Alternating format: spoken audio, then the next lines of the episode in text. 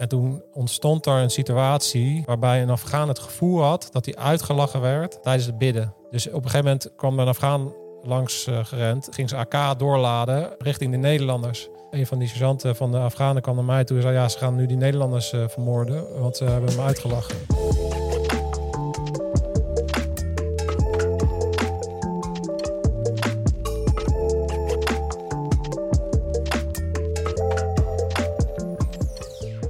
Welkom bij aflevering 36 van Barberio Podcast. Vandaag heb ik in de studio Mark Polle van Scherpschutters. Een eigen podcast. Ehm, ja, ook oud Special Forces. Je bent in Afghanistan geweest. Je bent in uh, Somalië geweest om uh, daar uh, ja, te dienen. Dus een podcast waar ik heel erg naar uitkijk. Ehm, welkom. Dankjewel. En voordat wij in gesprek gaan, nog even kort. de Fit Community is online en live. Veel mensen hebben me inmiddels al gevonden. Voor 5 euro per maand kun je lid worden van de Fit Community. Uh, die ik run um, vanuit Soul Gym, waar je deel kan nemen aan events, uh, zoals ademhaling, ijsbaden. Uh, ik probeer heel veel informatie te delen op deze events, waar ik zelf heel veel aan heb gehad of mensen mee heb kunnen helpen. voor deze kleine bijdrage krijg je ook maandelijks een live Q&A die ik zelf doe. Um, ja, en je hebt je community, dus waar je dus echt uh, lid kan worden. Je kan je voeding bijhouden, je kan je trainingsschema's maken. Dus uh, neem even een kijkje op de Fit Community. Die kun je vinden hier onder uh, de podcast in de linkjes of via mijn Instagram. Um, nou, dat daar gelaten. Mark, en jou ben ik vandaag heel erg geïnteresseerd. Je hebt ook natuurlijk Hell Shooter in Woerden gehad, waar ik zelf een keer slachtoffer van ben geworden. Onder vuur bent genomen. Onder vuur, ja. Dus dat is een ja, heel Vond ik een heel mooi concept. Dus helaas uh, heb je dat moeten stoppen vanwege uh, de maatregelen die de afgelopen jaren hebben, uh, ja, die, die golden. Ja. Um, dus ja, een heel verhaal. Heel veel dingen hebben wij, kunnen wij gaan bespreken. En waar ik dan vaak benieuwd naar ben, is hoe dingen begonnen zijn en tot stand gekomen zijn. Ehm, ja, hoe, hoe kwam je zo bij om bij Defensie te gaan? Nou, het was niet iets dat ik direct uh, vanuit huis had meegekregen. Ik heb ook nooit die behoefte gehad toen ik uh, in mijn puberteit zat. Ik uh, was vooral bezig met sporten en met muziek. Um, maar op een gegeven moment, als je wat ouder wordt, dan moet je toch iets gaan doen. Hè? Dan vraagt het leven ook iets van je. Dus toen was het van, oké, ja, ik wilde eigenlijk gaan reizen. En ik was ook gaan reizen. Dus ik ben gaan sparen na school en dan ben ik de wereld gaan rondreizen. Maar op een gegeven moment komt, uh, komt toch uh, je, ouders van hey, misschien moet je een keer wat gaan doen. Toen ben ik maar een studie gaan doen. Uh, psychologie gaan studeren. En toen ik daar in Leiden rondliep, toen dacht ik, ja, dit gaat hem niet worden. Dus dan merk je van, dit is het, dit is het niet. Ik vind mm -hmm. psychologie heel interessant, maar ik zie mezelf niet als psycholoog. En toen ja, kwam toch, dan ga je kijken, ja, ik wil sporten, ik wil bezig, ik wil meer echt iets doen dan ik alleen maar in een kantoor wil zitten. Voor mij was echt het beeld dat ik had van een kantoor was echt de, de hel voor mij. Uh, dus ik wist dat ik dat in ieder geval niet wil, wilde. Ik wilde nooit in een kantoor terechtkomen. Dus ik wilde echt iets gaan doen. En toen kwam, ja, dan ga je eigenlijk een lijstje afspreken, afstrepen van wat zijn dan de opties eigenlijk. Hè? en als je mm, fysiek bezig wil zijn, je wil avontuur, je wil dingen meemaken, je wil dingen doen, dan komt al snel natuurlijk de, de, de politie, defensie hoek uh, in beeld. En ik, ik hou helemaal niet van regels. Ik ben ook een beetje van de, ja, toch in Den Haag op straat ook wel opgegroeid en zo. En ik hield niet zo van. Ik zag mezelf echt niet als met een vingertje wijzend uh, politieagent spelen. Met alle respect, want ik heb heel veel respect voor die mensen. Ik heb ook natuurlijk heel, heel veel politiemensen in mijn podcast zitten. Maar ik zag mezelf dat zeker niet doen in die fase van mijn leven. Ja, toen bleef Defensie eigenlijk over. en toen ging ik naar Rotterdam toe, naar zo'n banenwinkel. Uh, ik kan me dat goed herinneren. Toen zat er zo'n man met een wat dikkere buik. Ik dacht, ja, is dit het dan? Maar die ging dan um, een verhaal afhouden. En daar kwam eigenlijk naar voren van ja, wat is dan de meest elite eenheid binnen, binnen de defensie? En uh, hij zei van ja, ik wilde vroeger eigenlijk bij de mariniers, maar daar werd ik voor afgekeurd. Dacht ik, nou, dan moet ik daar naartoe. ja. Dus uh, zo kwam uh, het Corps Mariniers bij mij op, pad, op het pad. En toen ben ik gewoon naar Den Helder gegaan, een open dag. En toen, ja, dan kom je in zo'n wereld die je eigenlijk helemaal niet kent. En toen ben ik maar gewoon gesprongen van ja, laat ik dit maar doen. En met uh, kriebels in mijn buik in die trein gestapt op een gegeven moment en uh, zijn we aan een avontuur begonnen. Bizar, ja. En hoe oud was je toen? Ik was, ik was iets ouder dan, uh, dan veel mensen al. Ik was 21. Mm -hmm, ja. We wel altijd bezig geweest met van oké, okay, ja, wat wil ik met mijn toekomst en wat wil ik vooral niet? Ja, nou, was wat ik al zei, ik, had heel erg, eh, ik was heel erg aan het sport. Ik heb het Nederlands team honkbal gespeeld, dus ik was echt met topsport bezig. En daarna kwam, kwam muziek en ik ben opgegroeid in de house scene eh, in die tijd, in de jaren 90, begin jaren 90. Toen ging ik feesten organiseren en eh, eh, DJ. eh, en ja, daar had ik eigenlijk heel erg mijn dromen toen zitten. Ik wilde eigenlijk heel graag eh, Ja. verder als DJ. Ik heb met eh, DJ Chesto en eh Jean en al die Marco V en al die gasten allemaal nog gedraaid in die tijd. Maar ik was een jong pikkie die er tussendoor liep en dan zelf feesten ging organiseren, zodat die gasten kwamen draaien. Dat Ja. ik dan ook een beetje Ja. eh, daarin kon opkomen. Maar ja, ik, of ik had niet genoeg talent, of niet genoeg geduld, of niet genoeg, ehm, ja, niet snel genoeg dat, dat, dat ik daar mogelijkheden zag om geld te verdienen. Dus dan op een gegeven moment komt toch de echte wereld soort van aankloppen. ja. En eh, ja, toen kwam de fancy op mijn pad en dat, dat was voor mij ook wel goed. Want ik denk, ik hou niet van regels, ik hou niet van structuur. Maar om ergens te komen heb je wel ook regels en structuur nodig. Eh, zelfs, ik, ben, ik zie mezelf meer als een creatieveling. Mhm. Maar die regels en die structuur heeft mij ook heel veel gebracht. Dus dat is wel een interessante natuurlijk. eh, van ja, hoe ga je dan uiteindelijk je potentieel verwezenlijken? En als je alleen maar soort van op je gevoel blijft afgaan en dingen blijft doen die je leuk vindt, dan gaat het je niet altijd precies brengen waar je wil zijn.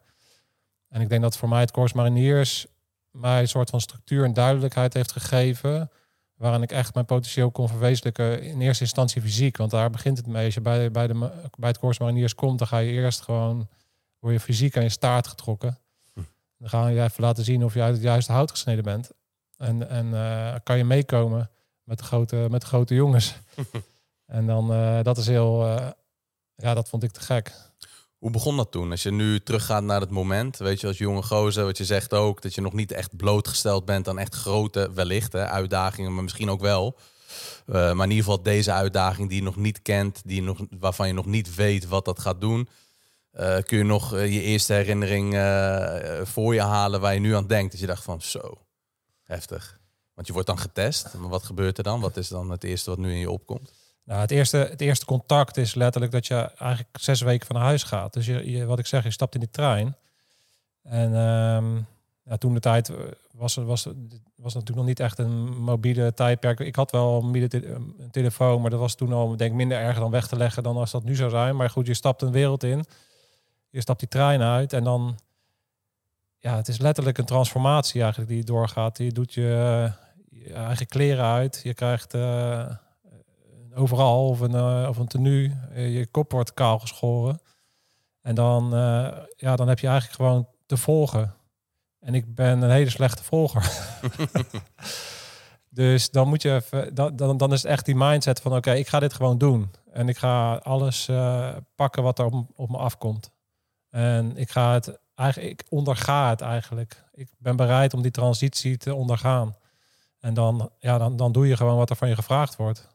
En dan, dan ga je gewoon in, in het gelid, letterlijk en figuurlijk. Hè? Dus dan, dan doe je gewoon, je zorgt dat de dingen die van je gevraagd wordt, de basisdingen van je bed opmaken tot aan je kleding en je kast recht trekken en je, de tijden dat je moet opstaan en het sporten wat je moet doen en het, eh, de lessen die je moet volgen, die doe je gewoon.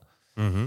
En dan, dan ga je eigenlijk in zo'n, ja, bijna in zo'n soort waasperiode waarop je dan ehm, ja, al, ja, die avonturen aangaat en met elkaar. En dan in het begin is het een soort waas en dan langzaam krijg je een beetje die, eh, die contacten met elkaar. En dan ben je aan het stompen met de boomstammen, met, eh, met rugzakken eh, door, door het veld. En dan ehm, lig je in de regen met elkaar dingen te doen.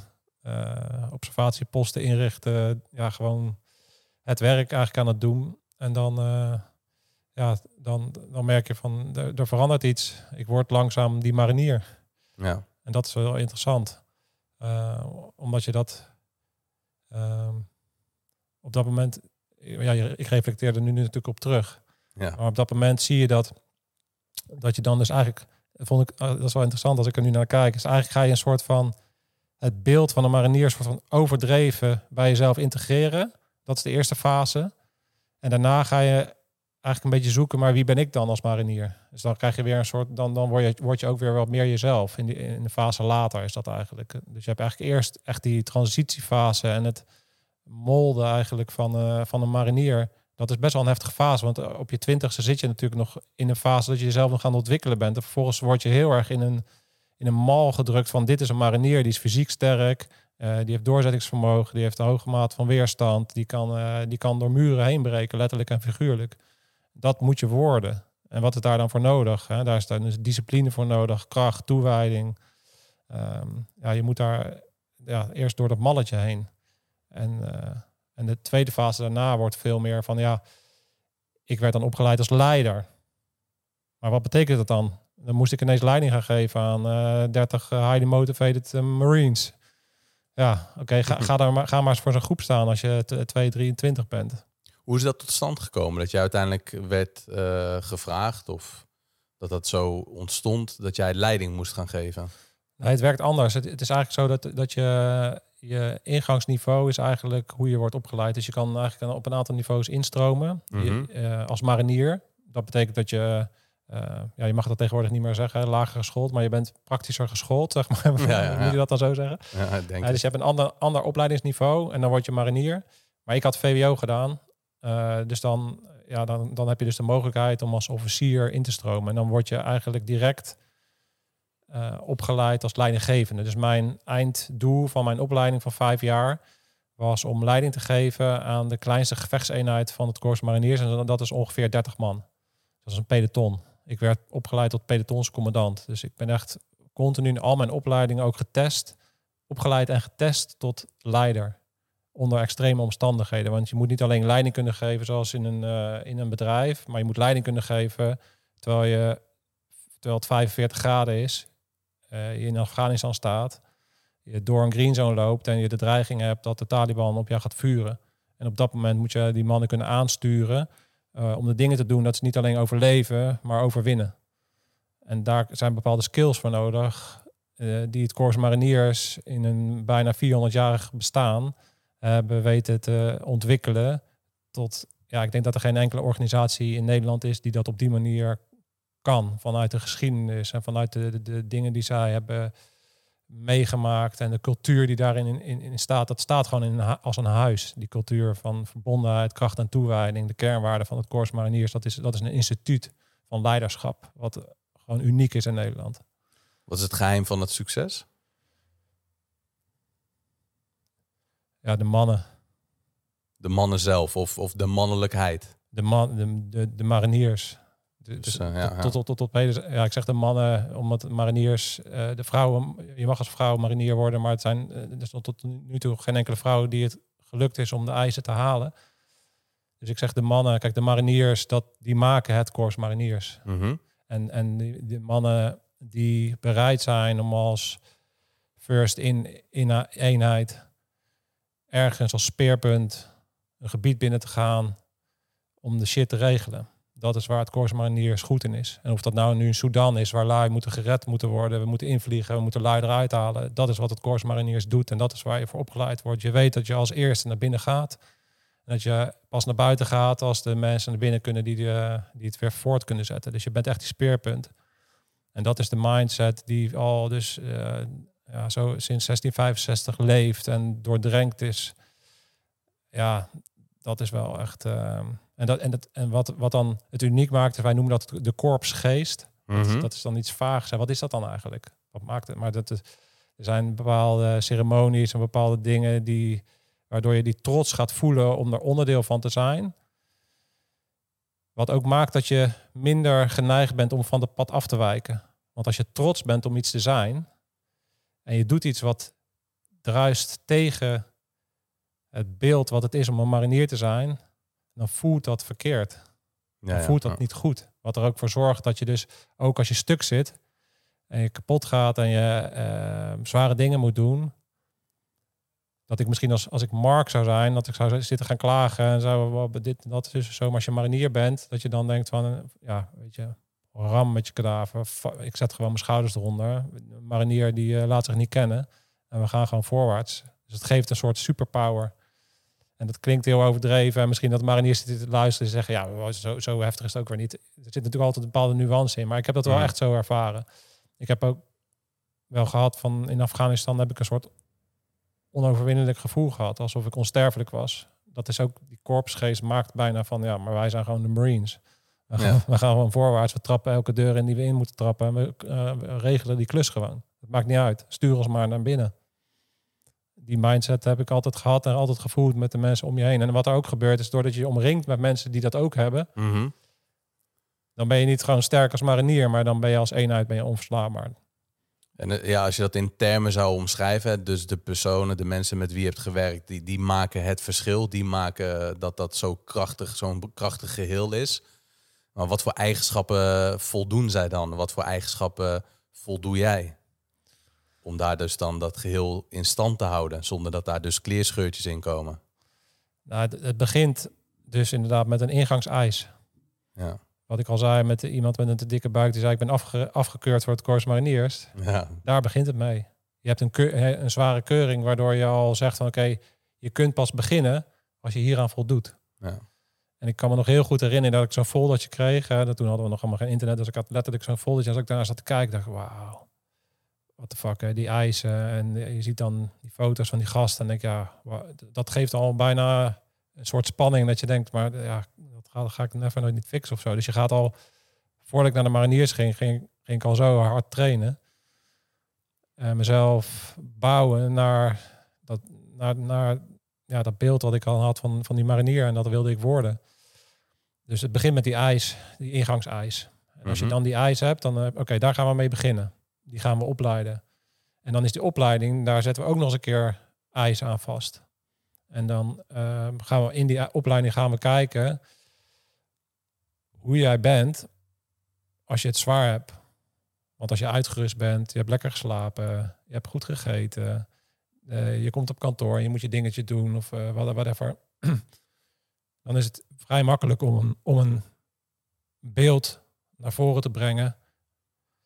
Wat, wat je eigenlijk helemaal niet bent. En dat is eigenlijk gewoon, ja, dat- is, dat is makkelijk. Weet je, alles, het zonnetje schijnt, de dingen gaan goed.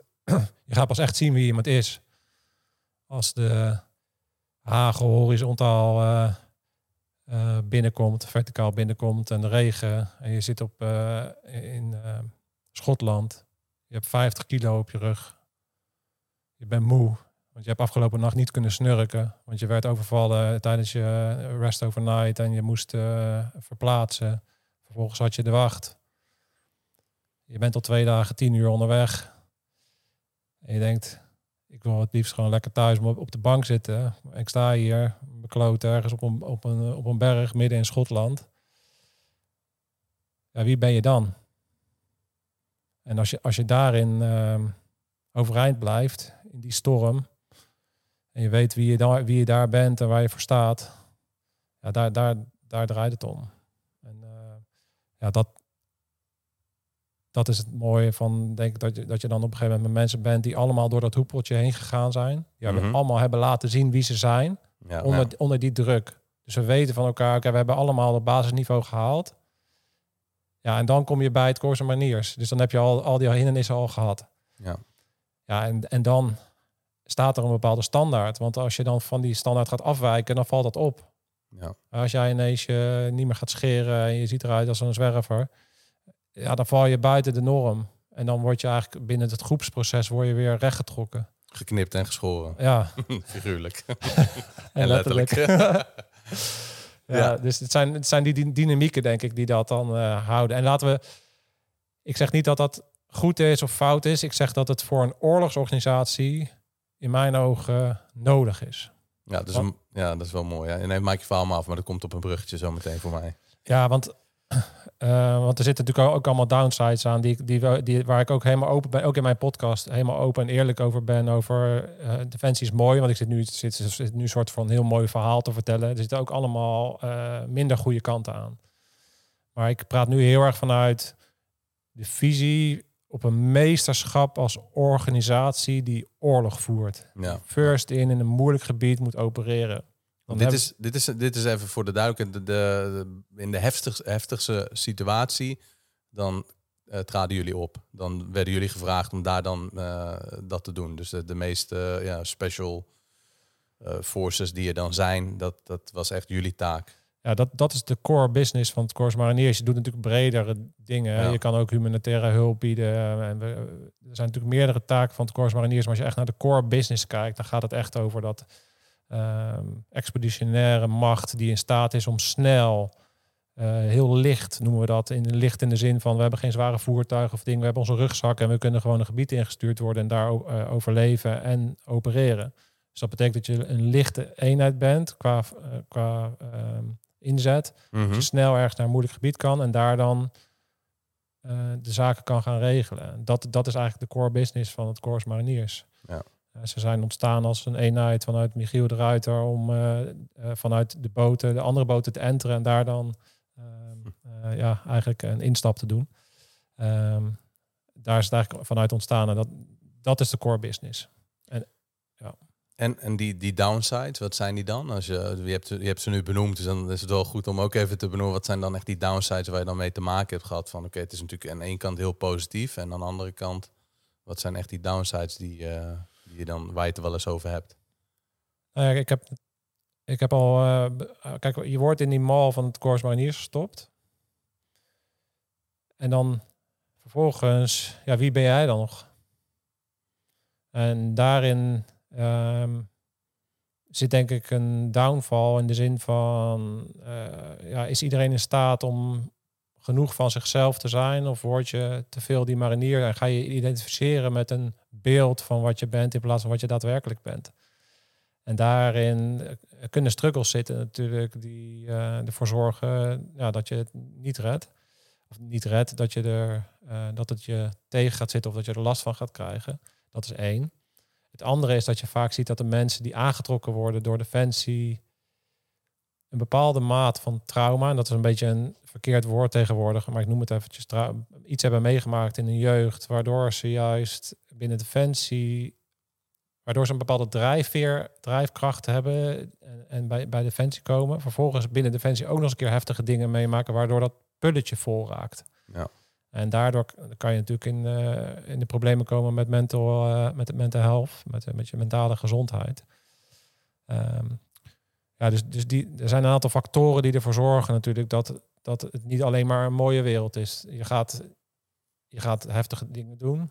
Als, uh, als, je, als je ingezet wordt voor je werk, dan kan het zijn dat je onder heftige omstandigheden ook heftig werk moet doen. Mm En ben je daartegen bestand? Ja. Dat, is natuurlijk, dat is natuurlijk de vraag. En daarin zitten hele interessante dingen. Ik denk dat als ik naar mezelf kijk, ik heb geen last van PTSS, ik heb geen trauma's, ik heb uh, uh, mijn werk kunnen doen, ik heb daar mooie dingen kunnen doen, ik heb mezelf kunnen ontwikkelen, ik heb de wereld gezien, ik heb mijn fysiek grenzen kunnen opzoeken, mijn mentale grenzen kunnen opzoeken. Dus ik, ik ben daarin wellicht een succesvol voorbeeld. Ja. En vervolgens heb ik ook nog eens een keer als ondernemer al die dingen die ik geleerd heb bij het Corso Mariniers heb kunnen inzetten om nu ja. uh, ondernemer te kunnen zijn.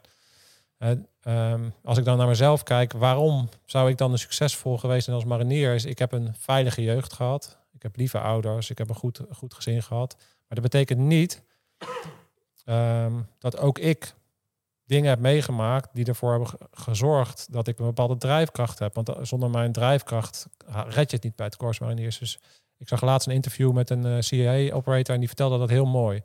Die zei eigenlijk van, als je kijkt naar de mensen die het denk succesvol redden binnen een wereld als Corps Mariniers, dan moet je de juiste mate van trauma, ik doe even tussen haakjes, mm meegemaakt in je jeugd die ervoor zorgt dat je gedrevenheid hebt op een manier dat het je vooruit duwt, maar dat je je niet tegenhoudt.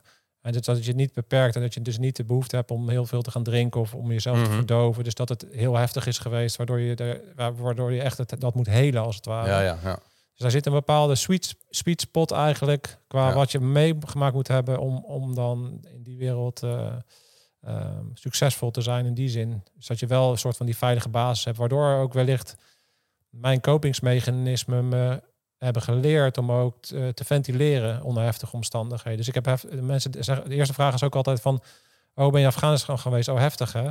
Maar ik heb dat helemaal niet zo heel erg zo ervaren, omdat ik wel dingen heb gezien en dingen heb meegemaakt ja. die wellicht uh, uh, heftig zijn of zo. Maar ik heb dat altijd gewoon kunnen ventileren, kunnen ventileren, daarover kunnen praten, te plekje kunnen geven en uh, ja, daarin om kunnen gaan, omdat ik die skills heb geleerd als kind. Ja. En uh, in, in, mijn hele leven verder heb kunnen ontwikkelen.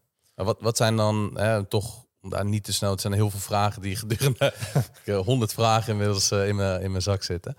Nee, wat zijn uh, dingen die, of, of, heftige dingen die je dan hebt meegemaakt? Heb je eh, collega's, vrienden verloren?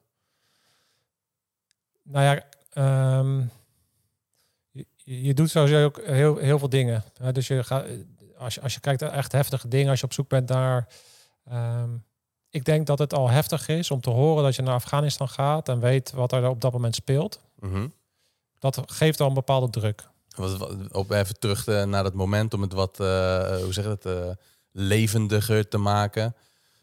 Jullie werden uitgezonden op het moment dat daar echt dus, ja, dat daar dus oorlog plaatsvond. Of in ieder geval een strijd was tussen de Taliban en... Ja, ik, ik was net klaar als, eh, vanuit mijn opleiding. Ik kreeg mijn eigen peloton. Ehm 2007 was dat. Eind 2007. En toen zaten we in Afghanistan. En toen kwamen al langzaam de beelden. Misschien kunnen jullie dat nog wel herinneren. Dat dan eh, gasten van het Corps Mariniers daar lagen. En dat, dat, dat, dat, dat ze dan met de Afghanen bezig waren in vuurgevechten. En dat ze dan die Afghanen moesten leren hoe ze nog moesten schieten. Terwijl ze met die gasten aan het, eh, aan het opereren waren dat was ook het werk wat ik dan moest gaan, gaan doen daar toen ik dat te horen kreeg. Dus dan ehm, dat samen met de dreiging van de bermbommen die er waren, eh, gaf een impact in de zin van toen ik bij het Corps Mariniers ging, kon ik me niet voorstellen dat we een missie zo kinetisch en zo heftig als Afghanistan zouden gaan uitvoeren omdat dat op dit moment nog ondenkbaar was. Daarvoor deden we vooral vredesmissies. Ja, gingen we naar eh, bepaalde landen zoals Irak of naar eh, eh, Haiti of naar, voor, vredes, voor humanitaire zaken of eh, naar ehm, eh, hoe heet het? ehm, eh, Kosovo of dat soort. eh, weet je, de, waren ook, daar gebeuren natuurlijk ook heftige dingen, maar het was niet zo kinetisch als Afghanistan. En kinetisch bedoel ik mee dat er daadwerkelijk echt geschoten werd, vuurgevechten, er echt geknokt werd. En op dat moment dat je als je jongen ehm, te horen krijgt dat je in Afghanistan gebeuren er twee dingen. Eén is, yes, ik mag gaan doen waar ik voor eh, getraind ben. En twee is, oh, dat is wel heftig. Want het kan zomaar zijn dat ik daar mijn benen verlies of heftiger. Dus daar moet je ook mee, je moet, dat wel, je moet daar wel mee dealen. En ik heb dat wel de ruimte gegeven om dat te voelen. Mhm. En te ervaren, oh ja, dit is wel heftig of zo. Waarom wil ik dit eigenlijk? En dan, dan is het belangrijk van, ja, dat je ook weet waarom je het wilt. En dat is de, de reden dat je op dat avontuur gaat, dat je dat ook kan onderbouwen. Want op het moment je dat, dat je tegen je gevoel ingaat en je eigenlijk niet bereid bent om te sterven daar, dan is mijn mening dat je dan ook een grote kans hebt dat je dus last gaat krijgen van de dingen die je daar mee gaat maken. Ik had een soort totale acceptatie van alles wat me daar gaat gebeuren heeft zo dan moeten zijn, want dit is wat ik wil doen. En het keer dat het heel heftig binnenkwam, was ook wel in de eerste paar weken dat we daar waren, kwam eh, Dennis van Um om eh, met een ander team. Die zat een anderhalve kilometer verderop. Eh, zij reden op een bermbom en Dennis eh, samen met Mark, die kwamen toen kwamen, kwamen om. En eh, zijn vader was toen eh, de commandant van de landstrijdkrachten. En die, ja, die dat volgens mij ook wel erg ehm, mooi in de zin van dat het voor hem ook heel belangrijk was om het de plek te geven als vader. Hoe heftig is dat dat je zoon verliest, maar dat zij dat ook hadden van ja, maar hij was wel echt bezig met het leven van het leven wat hij echt wilde. En dat is dan ook het enige wat je dan nog een soort van vrede kan geven als je het ulti- ultieme offer brengt natuurlijk. Ja. Dus, dus dat, dat, dat, dat zijn de dingen. Het is, het is eh, gaaf, we gaan de dingen doen. En tegelijkertijd acceptatie van oké, ik accepteer het heftigste wat er kan gebeuren. En dan volgens als je dat doet namelijk, toen kon ik in Afghanistan gewoon wel gewoon voorwaarts gaan. Ja. Ik heb toen echt momenten gehad dat we voor de eerste poort uit reden. En dat je weet, je gaat een route rijden. Daar is een dreiging van bermbommen. Van oké, weet je, bijna een kruisje slaan. Oké, let's go. Bam, we gaan gewoon. Vertrouw op jezelf, vertrouw op de mensen om je heen. En eh, ja, Vertrouwen op de wereld eigenlijk. Vertrouwen op gewoon, hey, ik ben hier. En we gaan dit gewoon doen. Want eh, is dat dan, ja, dat is een, een punt wat je aanhaalt. Is dat dan het, een van de heftigste dingen, lijkt me ook, die je, die je meemaakt. Is dat dus je collega en vriend eh, ja, omkomt. Zat hij ook bij jouw peloton toen? Of was het een andere? Nou, kijk, weet je wat er dan gebeurt? Dat is ook een soort coping, hè? Je bent bezig met je missie. Ik heb daar een taak uit, uit te voeren. Ik moest daar samen met mijn, mijn team van drie... We waren met z'n vieren. We gingen naar vooruitgeschoven post. Dus we zaten niet op het veilige grote kamp Holland... maar wij moesten naar vooruitgeschoven posten. En daar zaten, gingen we met Afghanen, met 30 tot 60 Afghanen, gingen we operaties uitvoeren. Dus we, we noemden dat train while you fight. Dus wij moesten hun op naar een hoger niveau brengen terwijl we in oorlog zaten. Normaal ga je natuurlijk eerst op een kamp met mensen trainen en dan ga je in, in de oorlog. Maar wij moesten gewoon met hun direct eigenlijk op operaties. En dan eigenlijk terwijl we dan voor die deur stonden nog een beetje zeggen van oh, ga even iets beter zo staan en iets beter zo staan. Of als je in een vuurgevecht zit, doe even over je richtmiddelen kijken in plaats van ehm, eh, boven je hoofd schieten met je AK.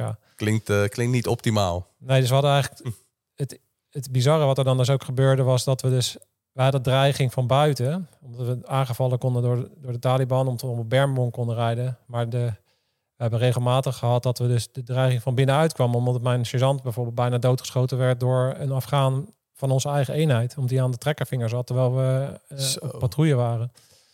Dus ja, daarin zagen we dat wij uh, op twee fronten eigenlijk oorlog aan het voeren waren, intern en extern. En dat, dat is niet iets waar je ook als Corps Mariniers op voorbereid wordt. Normaal, ik vertelde over die sterke Corps Mariniers, over die groep. En je weet altijd dat die vent naast je hetzelfde niveau heeft als jij. Maar toen ik dus mijn eerste missie ging doen, had ik drie collega's die hetzelfde niveau hadden als ik. En moest ik met 30 tot 60 uh, Afghanen die iets ander niveau hadden dan ik, moesten wij operaties draaien. Dus dat gaf een hele andere dynamiek in één keer. Zo. Uh, dat was voor mij super interessant. Dat was voor mij het hoogtepunt van mijn loopbaan. Ondanks dat ik daarna nog Special Forces ben geworden en daar ik ook hele interessante dingen heb gedaan. Afghanistan was voor mij echt het ultimum, omdat we gewoon met, met ja, midden in Afghanistan zaten, helemaal self-supporting waren, uh, operaties draaiden zelf, uh, de poort uitgingen. Mm -hmm. uh, ja, dat was als jonge leider heb ik daar heel veel dingen mogen meemaken. Op leiderschapsniveau ook. Hè. Ik heb ook wel gehad dat we op het kamp zaten. En dan um, kwamen de Nederlanders. En toen ontstond er een situatie waarbij een Afghaan het gevoel had dat hij uitgelachen werd tijdens het bidden. Hmm. Ik weet niet, ja, nog tot op de dag vandaag niet of het echt zo was. Maar zij hadden in ieder geval het gevoel dat die gasten hun stonden uit te lachen terwijl ze dus aan het bidden waren. Mm -hmm. Dus op een gegeven moment kwam er een Afghaan langs uh, gerend met een uh, en ging ze AK doorladen op die richting de Nederlanders. Van, ja, en toen kwam dus een, uh, een, van die sergeanten van de Afghanen kwam naar mij toe en zei ja, ze gaan nu die Nederlanders uh, vermoorden, want ze hebben me uitgelachen. Ja, en ik was daar dan op dat moment de speel in het web om dat te regelen. Want doordat ik elke dag met die Afghanen de poort uit ging, hadden ze het respect voor mij in ieder geval naar mij te luisteren. Dus ik heb dat kunnen deescaleren. En, en, gek genoeg waren dat voor mij de meest uitdagende situaties. Ik heb dat soort situaties een aantal keren meegemaakt. Um, waarbij, waarbij ik heb moeten deescaleren en mijn leiderschap heb moeten, moeten, moeten inzetten eigenlijk om te voorkomen dat er heftige dingen gingen gebeuren. Zo. Dus je denkt vaak van ja, vuurgevechten zijn het heftigste. Maar ik kan de eerste keer dat we bijvoorbeeld uh, een contact wait out kregen, dus dat betekent oké, okay, daar is contact. Hè. Dus mijn voorste clubje die kreeg, uh, die had twee Taliban op een motor. Kregen we contact wait out en toen werd er wat gevuurd. Gek genoeg was dat ook wel spannend, maar het voelde bijna. Ik had al zo vaak vuurschoten gehoord en ik wist wat ik daar moest doen. Dat voelde meer als een soort oefening, maar dan in het echt. Ja. Terwijl de situaties waar ik echt onder druk kwam te staan, zaten vaak meer op, in dat spectrum in een soort onverwachte hoek op je veilige kamp, waarin ineens allerlei dingen gebeurden uh, die heel heftig konden aflopen. Heftig. Het klinkt net als een film gewoon. Dat is gewoon, als je dit zo vertelt, klinkt heel filmisch en ja, als het gewoon, ja. Is er dan ook even dat, dat die vraag zat al uh, de afgelopen dagen in mijn hoofd. Even een klein uitstapje en dan pakken we hem weer op. Maar is er een film waarbij jij zegt van nou, dit lijkt echt op de realiteit? Vaak vind ik dat wel een makkelijke wegkijken van een film of serie. Maar een film in je hoofd die zit, of je kijkt ook de Lone Survivor of zo, zit ook, ook toevallig met z'n vieren. Dat ze worden aangevallen. Is dat een beetje wat, wat, ja, wat daarop lijkt? Nou, dat, dat, dat, is natuurlijk altijd een lastige, omdat film... Ja, ik zit toevallig... We hebben net twee dagen, twee dagen um, een behind-the-scenes documentaire gemaakt van een film. Die, mm -hmm. uh, die, die, gemaakt wordt over een oorlogsfilm die gemaakt wordt. Uh, dus ik zit nu ook een beetje in dat wereldje. Ja, film is natuurlijk altijd een overdreven weergave van de werkelijkheid. Dus ik kan niet direct een film opnoemen. Ik denk dat is exact de waarheid. Waarschijnlijk zijn er elementjes in filmpjes die dan tegen de werkelijkheid aankomen. Veller, uh, Actor Veller zitten wel wat, wat, wat dingetjes in die wel overeenkomen qua Special Forces uh, mm -hmm. dingen. Maar er zitten ook weer allerlei dingen in die ik denk, ja, dat is weer totaal niet realistisch. Maar um, het filmische zit hem...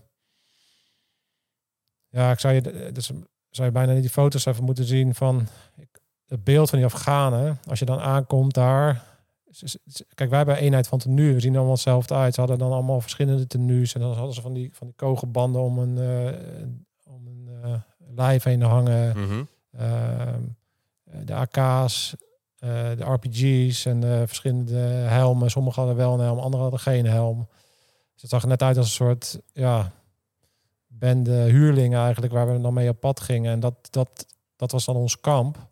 En we zaten met hun op dat kamp. Dus dat was dat filmische. Als je dan, je kan het alleen omschrijven, dan is, we hadden dan het kamp ehm, met allemaal HESCO's. Dus dat zijn een soort beveiligingsposten. En als je daar dan uitliep, dan als je de hoge bergen op links, op rechts van Afghanistan. En dan vaak eh, de blauwe luchten daarachter. En dan als je de, de green zone inliep, dat was eigenlijk waar de mensen woonden. Ja, dat was dus groen.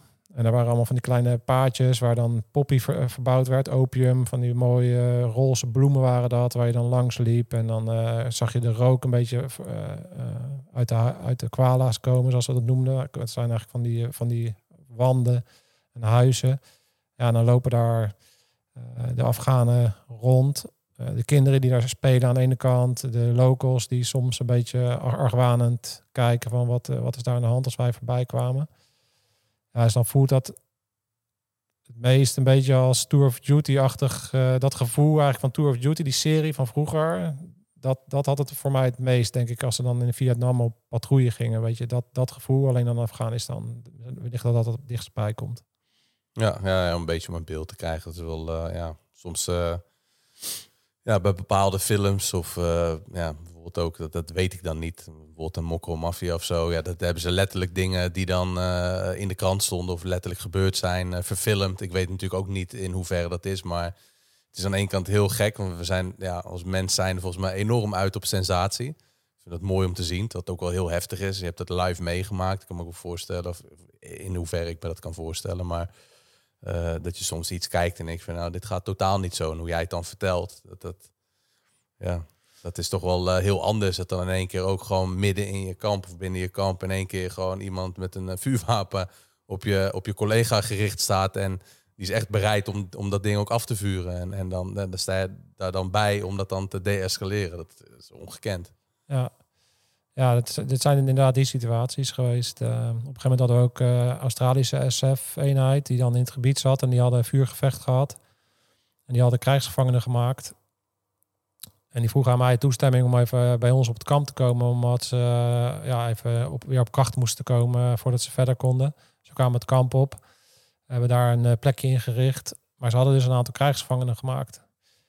Maar het bizarre is, doordat ik dus met, met de Afghanen werkte, had ik een ander inzicht en beeld van de bevolking, die best wel ingewikkeld was, omdat er verschillende groeperingen waren. Het was niet helemaal duidelijk wie de Taliban is. Het is niet dat de Taliban in een soort Taliban-pak liep of zo. Het waren gewoon dezelfde mensen. En die Afghanen kwamen direct bij mij. Die zeiden, die mannen die zij krijgsgevangenen hebben gemaakt, zijn geen Taliban. Zo, shit. Het waren oude mannen die krijgsgevangenen waren gemaakt omdat de Australische SF onder vuur waren genomen vanuit een huis. En toen zij in dat huis kwamen, waren dat de mannen die daar zaten. Dus zij waren in de veronderstelling dat zij die wapens hadden weggegooid en, en daar hadden mm. gevuurd. Maar het had natuurlijk sowieso, het had anders gekund natuurlijk dat de Taliban vanuit het huis gevuurd had dan dat dat er gewoon de locals waren, wat dus ook het geval was. Ja, en toen hebben die Afghanen daar echt een punt van gemaakt. En toen kwam ik in een soort, dat is ook een onderdeel van mijn taak geweest, in een soort tussenpersoonrol, liaisons noemen ze dat. Ik was operational mentoring en liaisons teams. Dus ik was ook een soort tussenrol. Dus ik, toen kwam ik ineens tussen de Australische SF en de Afghanen in te staan. En ik had informatie die indruiste tegen hoe, hoe de SF aan het opereren was. Dus dat was ook een hele ingewikkelde situatie waarop ik op een gegeven moment dus ook weer op het punt kwam dat die Afghanen zeiden van die lui moeten nu het kamp af, anders gaan ze uh, tegen de Australische uh, vechten.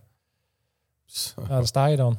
En die jongens uit Australië, dat waren ook geen uh, kinderachtige gasten. Nou, die SF, dat waren, dat waren echt van die beukers uit het Australische achterland. Grote gasten met baarden die, uh, ja, die daar met één ding waren. En dat is om uh, ja, special operations uit te voeren. Dus echt de, de grote jongens eruit te trekken. En die, ja, die, die hadden zoiets van, eh, fuck you, what the fuck lul je, weet je wel. Eh, Wij hebben ze gepakt en die wilden natuurlijk ook niet in hun eh, ego.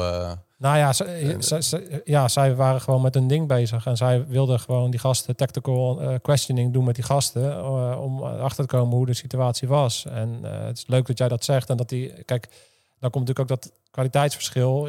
Australisch hè, SF, weet je wel, echte, echte beukers. En dan SF zijn Special Forces. Special Ja, ja, Forces. ja, ja. zeg maar het hoogste niveau operators wat er dan binnen het Australische leger is. En dan heb je zo'n Afghaan die in een afgetrapt eh, tenue staat en die zegt ja dat, dat is geen Taliban. Ja, hey, Ja, wie de fuck ben jij, weet je wel? ja. Maar ik zat daartussen hè, en ik zat al, ik opereerde er al en dus ik kon wel een beetje inschatten van is het onzin wat die gasten nu zeggen of niet. Ja, dus dat, dat waren gewoon op leiderschapsgebied eh, hele ingewikkelde situaties.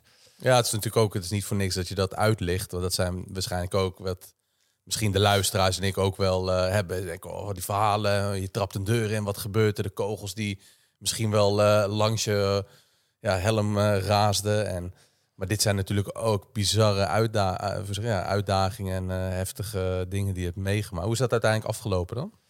Nou, die Afghanen, die, of die SF, die hebben gezegd van dan pakken we ons zootje op en dan vertrekken we.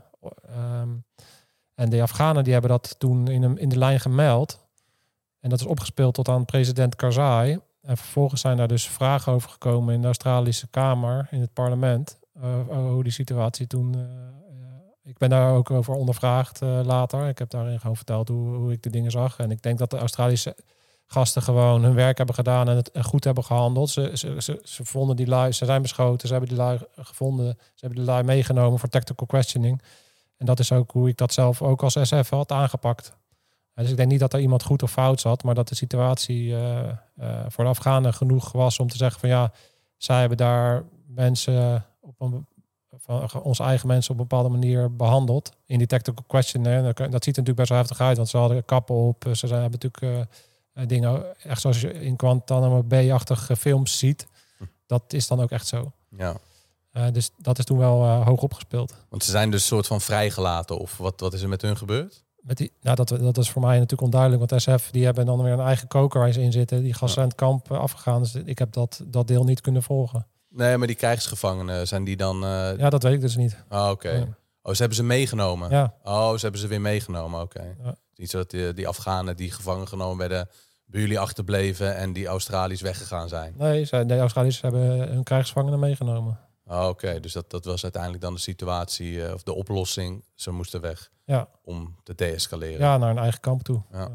Ja, dan komen we natuurlijk ook wel bij een volgend punt. Ik, ik, ja, je kan zo nog honderd verhalen. Als er iets in je opkomt dat je denkt van... oh ja, dit schiet me nu in één keer te binnen. Gooi het, eh, gooi het er maar even doorheen. Eh, ja, wat vinden bijvoorbeeld collega's ervan? Nee, je gaf ook al aan van... nou goed, voor jou is, is de trauma in je jeugd... eh, bijvoorbeeld genoeg geweest om dus ja, functioneel te laten zijn. Eh, wat, wat is dat dan voor jou geweest? Wat is voor jou het traumatische stukje wat je hebt meegemaakt? Nou ja, dat is waarom ik traumatisch tussen haakjes doe. Voor mij, eh, weet je, traumatisch, geef er een woordje aan. Het gaat toch voor mij, hoe de dynamiek is, is dat je als, je als, als kind wil je maar één ding en dat is liefde van je ouders. Mhm. Je bent altijd op zoek naar aandacht. En daar zit een bepaalde dynamiek in. En bij mij was de dynamiek, denk ik, dat ik de jongste was van drie. En, je, ehm, en op een gegeven moment mijn moeder natuurlijk ook alweer aan het werk ging na drie kinderen. En ik denk ik in een eh, jonge fase wellicht eh, wat jong, op jonge leeftijd al zelfstandig heb moeten worden.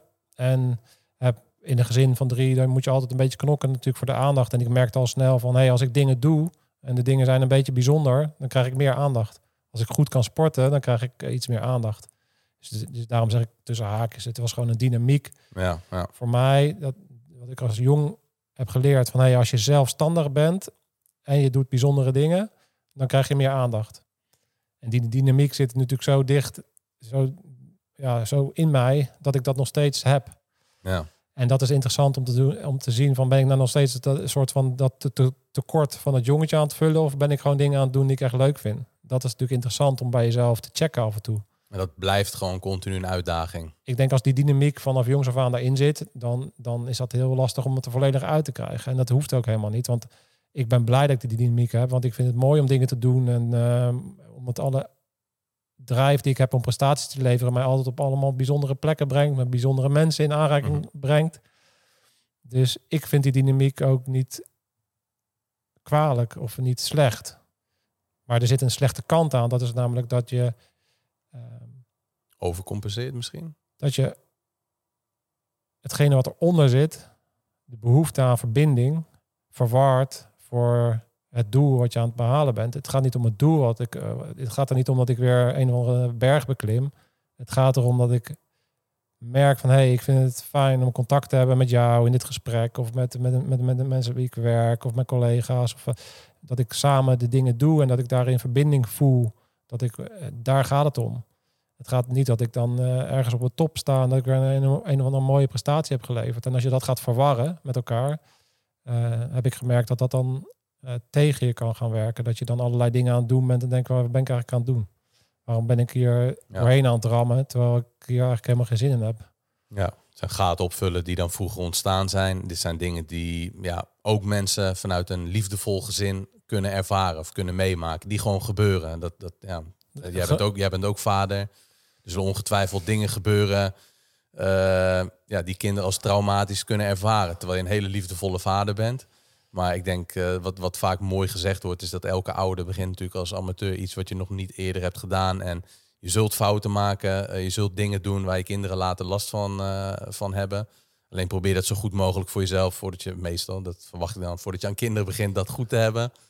Maar ja, je gaat toch wat dingen doen waar ze later last van gaan krijgen. Ja, ik heb een dochter van tien en eh, dat confronteert je weer met allerlei dingen. Dus je kan het allemaal nog zo leuk bedenken van ik ga het allemaal perfect doen, maar dat bestaat niet. Nee. Dus en eh, gelukkig misschien ook wel in die zin van ik zal vast heel veel dingen verkeerd doen als vader, maar ik hoop dat ik daarin slaag om haar een gevoel van veiligheid te geven. Eh, en dat ze er is en dat ik haar zie voor wie ze is. En als ik daarin slaag, dan ben ik al blij. En dan weet ik zeker dat ik heel veel dingen verkeerd heb gedaan. En dat zij ook haar traumaatjes heeft, waardoor ze weer allerlei dynamieken heeft in haar leven. Dat weet ik zeker dat dat, dat, dat zo is. Want ik ben eh, verre van perfect. Ehm, dus, dus in die zin is dat ook een stukje acceptatie van eh, dat is ook oké. dat is denk ik gewoon hoe de wereld draait. Dan moeten we dat dan allemaal maakbaar willen hebben en precies perfect willen hebben. Moeten we dan een wereld creëren waarin alles perfect is? Ik vind dat echt de saaiste wereld die er is. Als ik kijk hoe het nu is, dat er alles en iedereen gelijk moet zijn. En die moet gelijk zijn en die we moeten quota's 50%, 50%. Denk wat een bullshit. Ik hou van contrast. Ik hou van verschillen tussen mensen.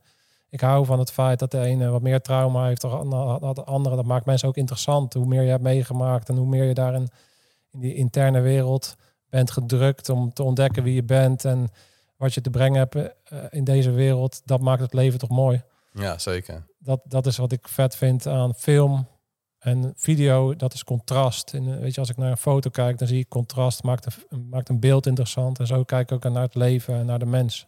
Het contrast. Ja, Verschillen. Ik vind dat we veel meer verschillen moeten vieren. dat is een mooie. Ja. Dat omarmen. We zijn allemaal gelijk, maar ook allemaal verschillend. Ja, we moeten niet verwarren wat gelijke rechten zijn en gelijk zijn. Ik wil niet gelijk zijn met iedereen. We hebben gelijke rechten. En in Nederland hebben we het op een heel hoog niveau weten te krijgen. Dat we allemaal zoveel mogelijk dezelfde rechten hebben. Ehm, of zoveel mogelijk. Dat, dat moet gewoon gelijk zijn. We, zijn allemaal ehm Nederlanders. We zijn allemaal eh, mensen. En we moeten dezelfde rechten hebben. Maar daarin vind ik dat we veel meer verschillen mogen Ja, laten zien. ja, en ook gewoon accepteren dat jij een mening, andere mening hebt. In plaats van altijd maar, maar mijn mening opdrukken bij die van jou. Waarom moet ik jou altijd overtuigen van wat mijn mening is? Ik ben gewoon benieuwd naar hoe kijk jij naar de wereld. En misschien Ja. kan ik daar wat van leren. En eh, van opsteken. En misschien eh, kan ik dan aangeven, nou, maar dit is, en dit is hoe ik daar kijk. En dan hebben we een leuk gesprek. En dan loop jij weg met iets. En ik loop weg met iets. In plaats van dat ik meteen in de aanval ga of in de verdediging ga als jij iets zegt waar ik het niet mee eens ben. Dat is wat ik zie ook op internet. Jij zit natuurlijk ook veel op internet. Met, eh, zeker als je je kop een beetje uit het maaiveld eh, steekt. Wat je dan allemaal over, je, over jezelf heen eh, krijgt. En wat je dan Ja. allemaal afroept bij mensen. Denk man, man, man, doe even, even een beetje relaxed. Ja. Ja, Ja, dat, dat, dat is ook, hadden we het voordat de podcast startte al even over. Jij hebt natuurlijk te maken gehad met een, ehm, ja, dat zei ik net ook al. Ik weet niet of er een eh, meer macho cultuur staat, gebaseerd op denk ik echte mannelijkheid. Weet je, dat, eh, dat zei ik al. Ehm, Heb jij wel eens te maken gehad met kritiek dan? Want jij laat dus inderdaad je gezicht zien op internet. En ik kan me ook voorstellen dat er een aantal eh, collega's, ex-collega's zijn of vrienden die zeggen over nee, daar praten we niet over. En ja, zijn er dingen die je dan op je, op je bord hebt gehad? Of dat ze daar dan misschien wat van vinden? Of dat je dus kritiek vanuit die hoek hebt gehad en, en vanuit die dus die macho cultuur, dat je daar in het begin misschien last van hebt gehad? Of ja. Dat ze voelden dat je een plek innam van die zij misschien wel wilden in, innemen. Nou, wat wel heel interessant is, denk ik, als ik vanuit die achterban kijk, dat ik best wel positieve berichten krijg. En ik hoor natuurlijk niet iedereen. Nee. Uh, dus er zullen vast mensen zijn die er wat van vinden dat ik uh, bepaalde dingen in het openbaar doe. Maar wat ik natuurlijk wel interessant vind, is dat de verhalen die ik breng heel erg gaan over de mens dus ik probeer vooral dat beeld naar buiten te brengen. En ik heb het gevoel dat de manier waarop ik dat doe wel eer doet aan hoe het echt is. Waardoor ik vanuit die achterban wel waardering krijg. Want ik zeg niet dat het alleen maar mooi is. Ik geef ook aan dat, het, dat er een mindere kant aan zit. Ik durf die ook te belichten. Ik durf ook iemand een podium te geven die uh, door Defensie uh, naar buiten is gestuurd. En onder voorwaarden dat ik denk, ja, bij mij kan je wel je verhaal vertellen. En ik luister ook naar je waardoor de wereld ook meeluistert. Ik denk dat dat, dat ja, dat is zo'n klote woord, maar die authenticiteit van de podcast, met mhm. name met betrekking tot de achterban van, van Defensie, wel gewaardeerd wordt. Ja. Als ik het heb over kritiek, ja, dan komt het natuurlijk vaak van alle kanten. In de coronaperiode heb ik heel veel kritiek gekregen, omdat ik best wel kritisch ben geweest. Mhm. Tegen het beleid? Ja, ik ben, ja, zoals ik aangaf, ik kan niet zo goed tegen regels en ik kan niet zo goed tegen het opleggen van bepaalde zaken. Mhm. Dus ik had, en ik heb een andere, andere risicoanalyse, denk ik, dan normale mensen. Zodra, zolang ik geen mensen op straat dood zie liggen, dan denk ik van ja, wat is eigenlijk aan de hand? Dus mijn risicoanalyse was wat anders. Ja, dus, en, ik, en ik ben van nature een dwarsligger en een kritische denker. Dus dan al die dynamieken kwamen soort van samen in die periode waarin ik wel gevoel had van ja, maar ik wil gewoon vragen, ik wil gewoon kritische vragen stellen. Ik wil weten wat, hoe wat. En die dynamiek, daar, daar kreeg ik heel veel kritiek over. Um, maar je krijgt eigenlijk continu kritiek in de zin van als ik het een, als ik bijvoorbeeld iemand aan het woord zet vanuit de, ik noem maar een voorbeeld. Ik heb een keer uh, een vrouw aan het woord gelaten die um, ontslagen is bij de politie omdat zij misstanden heeft gemeld over discriminatie. Een Marokkaanse vrouw. En ik laat haar het verhaal vertellen. Weet je, ik, ik vond haar op LinkedIn. Ik las haar verhaal. Ik denk, oh, ik ben wel benieuwd wat jij te vertellen hebt. Hoe dat bij jou mhm. dan gegaan is. Ik zet haar in die stoel. We hebben een mooi gesprek. Ik laat haar haar verhaal vertellen. Dit is haar visie. Maar onder dat verhaal zitten natuurlijk allerlei dingen die daar gebeurd zijn binnen de politieorganisatie. Uh, ja, wat, het is natuurlijk heel politiek spel en mensen die daar mee te maken hebben. Dus dan krijg ik heel veel kritiek over me heen, omdat ik geen journalist ben. Ja, ja, ja. Ik, ik heb geen onderzoek gedaan naar haar zaak. Ik heb niet meerdere mensen gevraagd. Ik, ik laat haar haar verhaal vertellen.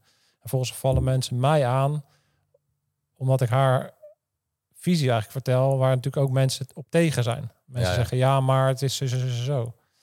Dus daar krijg je op dat soort dingen krijg, krijg ik kritiek. En uh, ja, ik weet niet hoe je bij jou zit, maar de laatste tijd uh, merk ik dat het narrative tegen oorlog en tegen defensie is toegenomen. Mm En is de kritiek op de onderwerpen die ik belicht heel erg toegenomen, omdat mensen minder respect hebben voor militairen, omdat ze denken dat dat pionnen zijn van de elite. Oh ja, dus, eh, ja, ja, ja. Daar, vanuit die groep komt heel veel kritiek. Ja, zo, zo heb je eigenlijk... Ah, bij elk onderwerp kan ik wel... Ja, zit er wel... Uh, krijg je shit over je heen vanuit alle kanten. En dat is iets waar je mee moet kunnen dealen op het moment dat je dus naar buiten treedt. Hè. Kan, je, kan je overeind blijven om jouw beeld naar buiten te brengen, ondanks de mensen die daarop gaan aanvallen, dat is natuurlijk heel interessant. En dat, uh, dat is ook iets wat je moet leren. Ik weet nog de eerste keer dat ik een soort van viral ging. Dat ik met een filmpje naar buiten ging van, van, van Hellshooter, mijn eerste bedrijf. En dat was dan, werd dan opgepikt door Geen Stel. Nou, daar zit natuurlijk al een bepaald uh, volk. De comments bij Geen Stel moet je nooit lezen. Dat kan ik alvast iedereen adviseren. Nou, dan werd ik aan alle kanten afgemaakt. Van, nou, die, alsof die vent Special Force is geweest. En wat een lowlife. En wat een, wat een mogol. En uh, dan, krijg je, ja, dan word je gewoon echt... Op de persoon word je gewoon afgemaakt. Wat, wat doet dat dan met je? Wat deed dat toen met je? Nou, het gevoel van voor het eerst soort van vaarorgaanachtig iets is heel erg de oncontroleerbaarheid daarvan. Er gebeurt iets, jij hebt iets gezegd online of je hebt iets gemaakt of weet ik veel wat. En mensen gaan daarmee aan de haal. En dat is een gevoel van oncontrole. Je kan dat niet controleren. Dus je, dat, dat, dat is een soort van wow. Dat is, dat, dan moet je dus accepteren van ergens een rust en acceptatie in jezelf vinden van ja. Ja. ja, want het is natuurlijk het is niet waar wat er dan gezegd werd. Er wordt van alles gezegd wat niet waar is. En je, kan, je, kan niet overal, ja, je kan overal op gaan zitten reageren, maar je moet dus maar gewoon op een gegeven moment dat loslaten en denk ja, ja. En, en het eigenlijk bij die mensen laten. En, en, en vooral bij jezelf helder inchecken van ja, oké, maar ik weet wie ik ben, ik weet waar ik voor sta, ik, en ik kom en weer terug in het centrum van die storm komen. Dat is eigenlijk letterlijk wat je doet. Als je dus viral gaat en of je je nek uitsteekt in het openbaar en mensen vinden dat allemaal wat van, het voelt alsof je in een soort storm komt, in een wervelwind. En de kunst is dan, kan je vanuit die wervelwind naar het centrum van de storm komen en de rust vinden waarop je weer stevig staat voor wie je bent en wat je bent en waar je voor staat zodat het om je heen kan stormen wat het wil, maar dat maakt niet uit, want jij blijft gewoon overeind staan en je blijft voorwaarts gaan om je boodschap en jouw werk te doen. Dat is hoe ik dat zie en ook dat ervaar. En dat kan ik nu heel mooi zeggen. Dat betekent niet dat, het, dat, ik, het al, dat ik er altijd in slaag, want ik zit, en dan zit mijn vriendin ook van, uh, ja, zit je weer op die comments te kijken en dan denk ik, oh, ze vinden weer dit en ze vinden weer dat. Ik, ik ben daar ook ontvankelijk voor. Tuurlijk, ja. Weet je, ik, Ook omdat ik feedback belangrijk vind. Ik, ik luister zowel naar negatieve als naar positieve feedback. En vaak in de negatieve feedback probeer ik extra kritisch te zijn, omdat dat mijn blinde vlek kan zijn. Mm Een van de belangrijkste dingen van jezelf ontwikkelen is hoe ga, hoe ga je dan om met feedback? En online is ook feedback. Hoewel het niet altijd de, de beste feedback is, omdat het Nee, je moet het filteren. Ja, je moet, heel, je moet een andere filter erop toelaten dan wanneer je feedback krijgt van iemand die je echt goed kent. Ja. Want dat, dat was ook een andere les van, die, uh, van het interview met die spion. Die had wel meerdere dingen trouwens. Van Tom Bilieu is wel een, wel aanrader om een keer te kijken. Um, wat hij ook zei is dat er eigenlijk drie werelden zijn. Mensen hebben een openbaar leven. Mensen hebben een privéleven. En mensen hebben een geheim leven. Dat vond ik wel interessant. Ik denk dat dat echt zo is. Dus je, dat is wat ik ook zeg van je hebt dat beeld wat je naar buiten brengt. Mhm. lekker hebt geslapen, dan kan je de vrolijke Tony zijn en leuk de pap en uh, gezellig en dit en dat. Dan heb je ja, eigenlijk je, je privéleven, dat deel je misschien alleen met je, met je zus of met je ouders. Of, um, en dan heb je nog je geheime leven. En dat is eigenlijk iets wat je misschien met één of twee mensen deelt, maar daar laat je heel weinig mensen in, in, aan, in toe, zeg maar. En die, dat is wel interessant om ik denk dat dat ook echt zo is. En uh, waarom laat je dan iemand toe tot je privéleven en waarom laat je iemand toe tot je geheime leven? Dat is natuurlijk interessant. Ja, het is een, het meest kwetsbare stukje. Dat, dat, dat, ja, wat je liefst aan niemand laat zien. Want dat is denk ik het geheime leven wat daarmee wordt bedoeld van... Of waar we het eerder ook al over hadden. Ja, als alles bij wordt weggehaald of je wordt in de meest barre omstandigheden gezet ja, wat blijft er dan nog van je over? Wie ben je dan echt? En vaak, ja, als het zonnetje schijnt, is het heel makkelijk om vrolijk te zijn en ja, dat alles je voor de wind gaat. Je hebt het natuurlijk meegemaakt uh, in die periode dat je je bedrijf had in Woerden, Hellshooter, 3000 vierkante meter, 20, 25 werknemers en ja, wanneer je dan verplicht dicht moet, uh, ja, wel mensen wil en moet doorbetalen, je wilt je bedrijf overeind houden, ja, wat, wat blijft er dan nog van je over? Of wanneer je dus inderdaad in de situatie zit dat dat, ja, dat een van je vrienden of collega's vermoord kan gaan worden. Dat iemand letterlijk in, tegen een geweer aankijkt. En dan, wat blijft er dan van je over? Dan leer je jezelf denk ik wel kennen. Of, of in zo'n ijsbad. Ja, het is heel kort en heel intens. Ik heb daar wel wat meer dingen over mezelf uh, ontdekt. Dat ik ja, onder barre omstandigheden misschien niet de meest ideale... in, ja, niet de meest beste versie van mezelf ben. En dat is dan heel moeilijk om te erkennen of toe te geven. Maar het is wel, daar ligt dan wel de, de uitdaging voor mij. Dat is iets waar ik dan. En, en misschien ligt het ook aan de omstandigheid. Dat bijvoorbeeld als het uh, keihard regent of ja, mijn bedrijf eh, gaat even wat minder. Dat is dan misschien wel mijn comfortzone. Als het slecht gaat met mijn bedrijf, ja, dat is voor mij dan niet echt.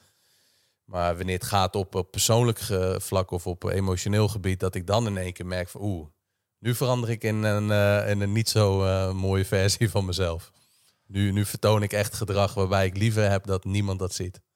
Ja. Nu, nu ben ik in één keer niet meer die, uh, die eigenaar van Soul Gym, die personal trainer of coach of, of die, die podcast host die, die toch inderdaad ja, goed voor de dag wil komen. Ja. Dat vergeet je dan even af en toe. En als ik dan, dan weer terugkoppel, ja, wat jij zegt ook, jij handelt eigenlijk altijd vanuit de gedachte van uh, van de marine, korps mariniers. Dat is toch, toch iets wat altijd wel een soort DNA is wat je hebt gecreëerd. Maar toch ook zal er een moment zijn dat dat misschien even, dat je dat even vergeet of er geen invloed op hebt. Ja, ja zeker. Uh, nu, omdat ik nu natuurlijk geen marinier meer ben, uh, maar gewoon Mark.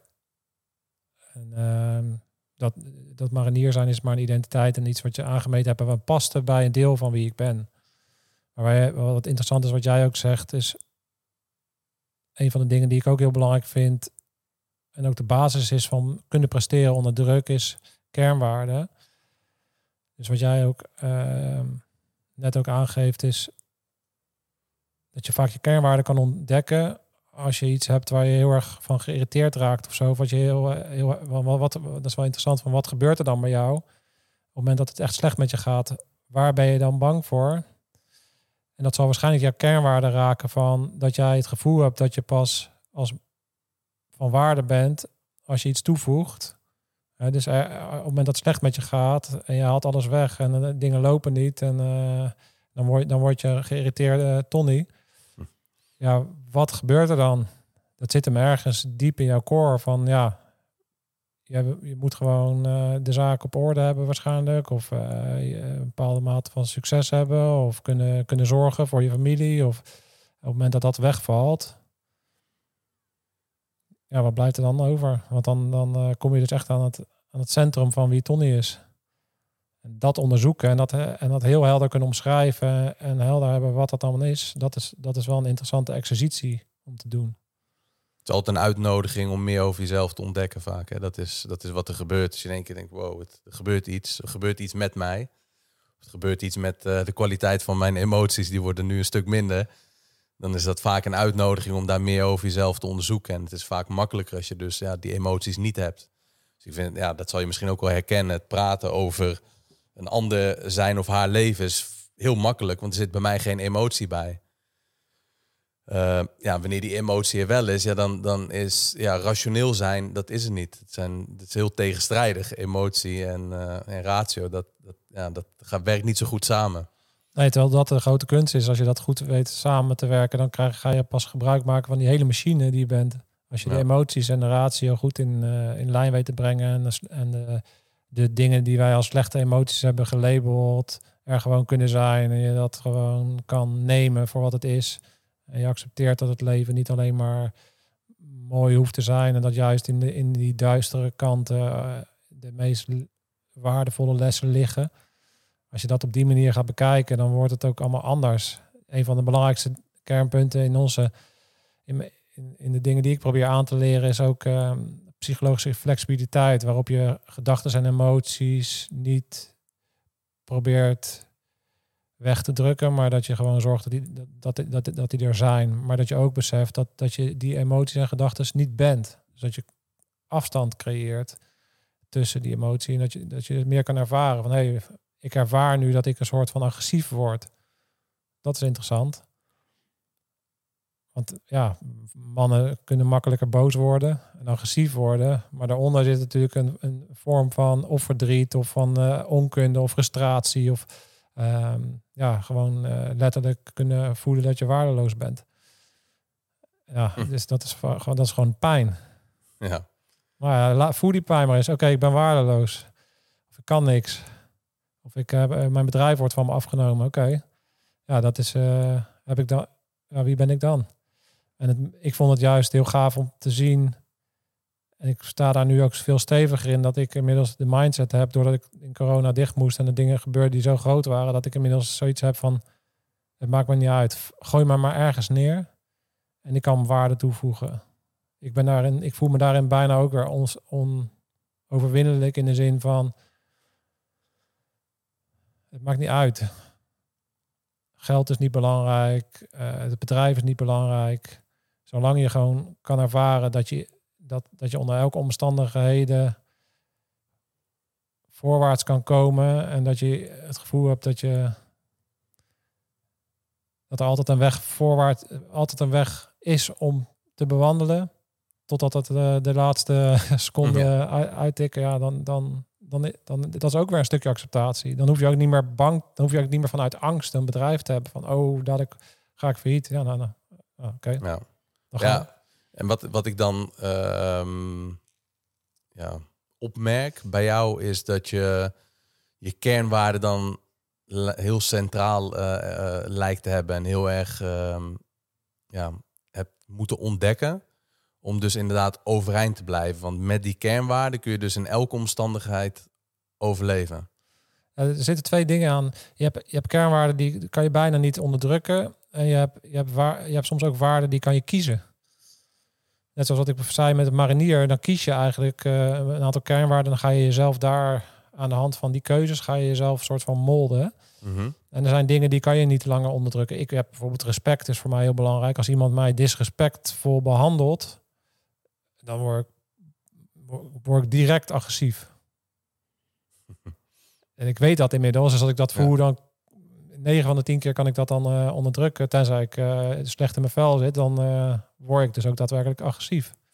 Als iemand mij op een, op een manier benadert die indruist tegen hoe ik kijk naar respect. En dus dat, ja. Hoe ga je daar dan mee om als dat dus gebeurt? Je zit minder goed in je vel en iemand ja, die, die reageert onder een post of iemand ja, 9 van de 10. Drinkt voor in de rij, ik noem maar even een voorbeeld. Ja, ja precies.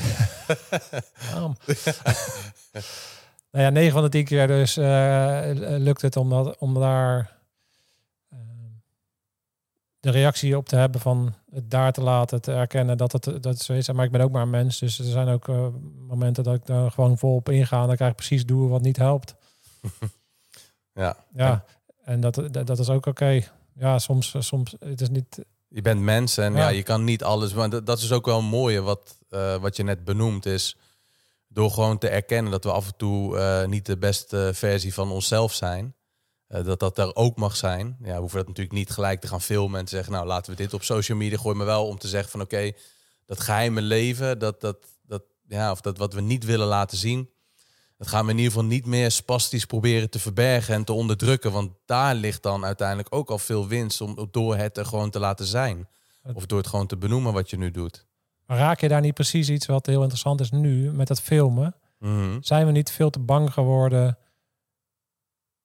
dat op het moment dat je dus daar bent, dat je direct gecanceld wordt en iedereen meteen, uh, dat, dat er meteen zo'n dingetje overheen hangt als je een keer over die grens heen gaat. Ik vind het wel interessant. Jij gaf aan, hè? je hebt uh, ja, best wel wat uh, abonnees op YouTube. En dat is een hechte club. Dus ik denk dat jij wel lang genoeg bezig bent uh, om dat te doen. En, en je hebt, ja, weet je, je hebt je ook wat meer uitgesproken, als ik het goed begrijp. Ik heb je in die periode niet gevolgd, maar ik kan me wel voorstellen als je bedrijf dicht moet, je leidt eronder dat je dan echt wat mondiger wordt. Dan, ja, ik heb er weinig, moet ik zeggen, last van gehad. Dus dan, ja, dan ja, is het ook makkelijke lullen. Ehm, maar dat je wat mond. En dan leer je pas echt de mensen om je heen kennen. Dat houdt in dat er heel veel weggaan. Of bij een Tibor bijvoorbeeld. Ja, die doet dat heel stellig. Die doet echt letterlijk. Eigenlijk weet je wel. Hij, het lijkt of hij moeite doet om gecanceld te worden door bepaalde groepen. Om alleen de mensen over te houden die echt gewoon uh, achter hem staan. En daarmee creëert hij voor mijn gevoel echt een soort van ja, een soort, uh, niet letterlijk, uh, een fictief leger. Dat mensen echt die hem volgen, die gaan echt voor hem door het vuur, heb ik het idee. Dat, dat, is wel heel interessant. Ik zeg, ja, we zijn dat spastisch aan het verbergen, maar ja, door je uit te spreken verlies je heel veel mensen, maar win je ook heel veel mensen. En, en, wordt het contrast veel groter en duidelijker. Ja, ik, ik denk dat ik gewoon een slechte acteur ben. In die zin. Dus ik doe dat niet. Uh, de dingen die ik zeg en de dingen die ik voel en de dingen die ik deel, die zijn dan niet vanuit een idee van als ik dan maar inderdaad heel erg tegen ben, dan uh, hou ik ook de mensen over of zo die dan mij volgen en waar ik iets mee kan. Ik doe Ja. dat niet vanuit een strategie of zo. Ik denk dat ik het gewoon doe vanuit dat de dingen die ik doe en de dingen die ik deel online zijn gewoon dingen zoals ik ze zie en zoals ik denk dat dat op dat moment goed is. Ik denk daar nooit over na. Ik heb nog nooit een interview voorbereid. Ik doe maar wat. Maar op die manier is het wel gewoon wie ik ben. Ja. En uiteindelijk gaan mensen dat dan denk ik toch wel gewoon ook eh, zien Ja. en sluiten mensen daar dan op aan of sluiten ze daar niet op aan. En dat is ook oké als mensen het niet trekken wat ik toen heb gedeeld of wat ik wel eens deel. Ja, ja, ja je- je- we resoneren samen of je resoneert Ja, niet. En de ja, volgers die, die, die klikken ergens op aan. Die denken ja, de verhalen die jij brengt en niet ik. Hè, want de, de podcast draait helemaal niet om mij. Dat is ook het, weet je, de podcast. eigenlijk vertel ik mijn view op de wereld via de gasten die ik heb. Elk, eh, elke keer komen er weer stukjes naar voren. Denk ik, ah ja, wauw. En, Ja. en, en de gasten die ik uitkies, ook vaak, maar gewoon op gevoel. En denk ik, oh ja, daar zit weer een stukje in wat aansluit op hoe ik wil dat de wereld is. Of hoe ik wil dat de mensen de wereld zien. Of hoe ik de wereld zie. Mhm. Ja, dat, dat is gewoon. Het is gewoon echt. Het is, dit is geen truc. Ik, kan dat ook, ik zou dat ook nooit kunnen volhouden. Weet je, je ziet aan mij direct of ik zagrijnig ben, of ik, Ja. of, of ik iets, eh, of ik ergens voor ga, of ik iets eh, leuk vind of niet leuk vind. Ik denk dat ik dat niet kan acteren. Nee, maar dat is mooi. Ik denk dat mensen ja, daar juist op aansluiten. Ik vind, ik vind het sowieso mooi hoe je daarin staat. Ik denk dat we elkaar daarin ook echt vinden. En wat misschien ook wel belangrijk is, eh, ik weet niet of dat echt zo is, maar het lijkt me dat de cancel culture die er is, die kiezen niet, die sluit alleen uit. Dus dat is niet een groep, die, die gaan sowieso niet kiezen. Die zeggen niet wij kiezen dit of wij kiezen dat. Wij sluiten alleen uit. Eh, als er wat misgaat, zijn altijd mensen die op die trein springen. Je hebt soms pagina's, die maken andere pagina's belachelijk. Als iets is waar ik echt een hekel aan heb, is dat, dat mensen dus gewoon een dagtaak hebben met andere mensen afzeiken. En die doen dus verder niks, behalve dat. En die worden daardoor gevolgd. Het zijn allemaal mensen die niet kiezen. Die kiezen ervoor om dus een ander die wel heeft gekozen af te zeiken. Dus ja, dat is de, de quote van eh The Man Who is in the Arena. Ik kan hem niet helemaal hierop zeggen, maar je weet welke ik bedoel. Weet je, Eh, ben je, sta je in die arena of niet? ja, En ik heb altijd respect voor degene die in de arena van zijn eigen leven staat. Durf jij in die arena te stappen en te zijn wie je bent en de boodschap naar buiten te brengen die jij te brengen hebt en te zeggen, ik denk dat we dat, ik hoop dat iedereen die naar scherpschutters luistert of die in onze modules zitten daar ook veel meer mee naar mee kunnen omgaan. mhm, ja. Want, want als je het hebt inderdaad over die cancelcultuur, die zit natuurlijk in het groot. Zien we natuurlijk mensen gecanceld worden als ze een fout begaan. Maar ik denk dat dat doordruist naar het gewone leven, waarin mensen steeds banger worden om fouten te maken. Maar ik denk juist dat we veel meer fouten moeten maken en dat we veel meer moeten waarderen dat andere mensen fouten maken eh, en eh, zichzelf op die positie durven te brengen. En zonder ze daarop continu af te rekenen. Het feit dat ik iets verkeerds doe, betekent niet dat ik meteen een slecht mens ben. En er zijn natuurlijk grenzen. Ik bedoel, als ik, Ja, als, ik- tuurlijk, als ja. ik één keer iemand vermoord, ben ik een moordenaar. Zo simpel is het. Dan kan Mhm. ik nooit maar niet een moordenaar zijn. Ik kan daarna natuurlijk wel verantwoordelijkheid nemen voor mijn actie en, en, en- en- en daarmee omgaan. Maar er zijn bepaalde grenzen natuurlijk aan. Maar dat is natuurlijk interessant als je kijkt naar de hele maatschappij nu. Oké, we hebben. Waar willen we naartoe met z'n allen? En dat, kijk, de coronaperiode was voor mij niet alleen interessant om, eh, omdat mijn bedrijf dicht moest, maar omdat ik het gevoel had dat ik werd aangeraakt op mijn existentiële waarden. Van hoe kijk ik naar de wereld en hoe wil, zou ik graag willen dat de wereld in elkaar zit. En dat is dat we op basis blijven van individuele vrijheid, maar wel op een basis dat je niet alleen maar individueel vrij bent om het vrij te zijn, maar omdat je dan jezelf kan ontwikkelen om zo sterk mogelijk te worden, om zoveel mogelijk mensen om je heen te ondersteunen. En dat je daardoor een ge- gevoel van community en eenheid krijgt. Voor mij is eenheid ook heel belangrijk daarin. En dat miste ik dan. Voor mij was het geen eenheid van eh, we moeten onszelf allemaal plat prikken, want dan, eh, dan gaan we verder komen. Voor mij was dat een soort externe validatie van eh, in de zin van ja, dat gaat het probleem niet oplossen. Eh, dus ik voelde daar in die periode een hele grote afstand en, en eh, geen eenheid. Ik voelde geen eenheid. En terwijl ik gewend ben dat op het moment dat wij met de mariniers bijvoorbeeld onder, in een crisissituatie kwamen, is dat de eenheid het enige is wat je redt. Dus in, Ja. in crisis moet je goed kijken naar elkaar en dicht bij elkaar komen staan. Dan moet je elkaar weten te vinden. Terwijl de- heel tegenstrijdig is wat, wat je zag dus in de coronacrisis. In crisis gaat iedereen die muur omheen, heen omhoog gooien. Krijg je juist dat je verder van elkaar af komt te staan.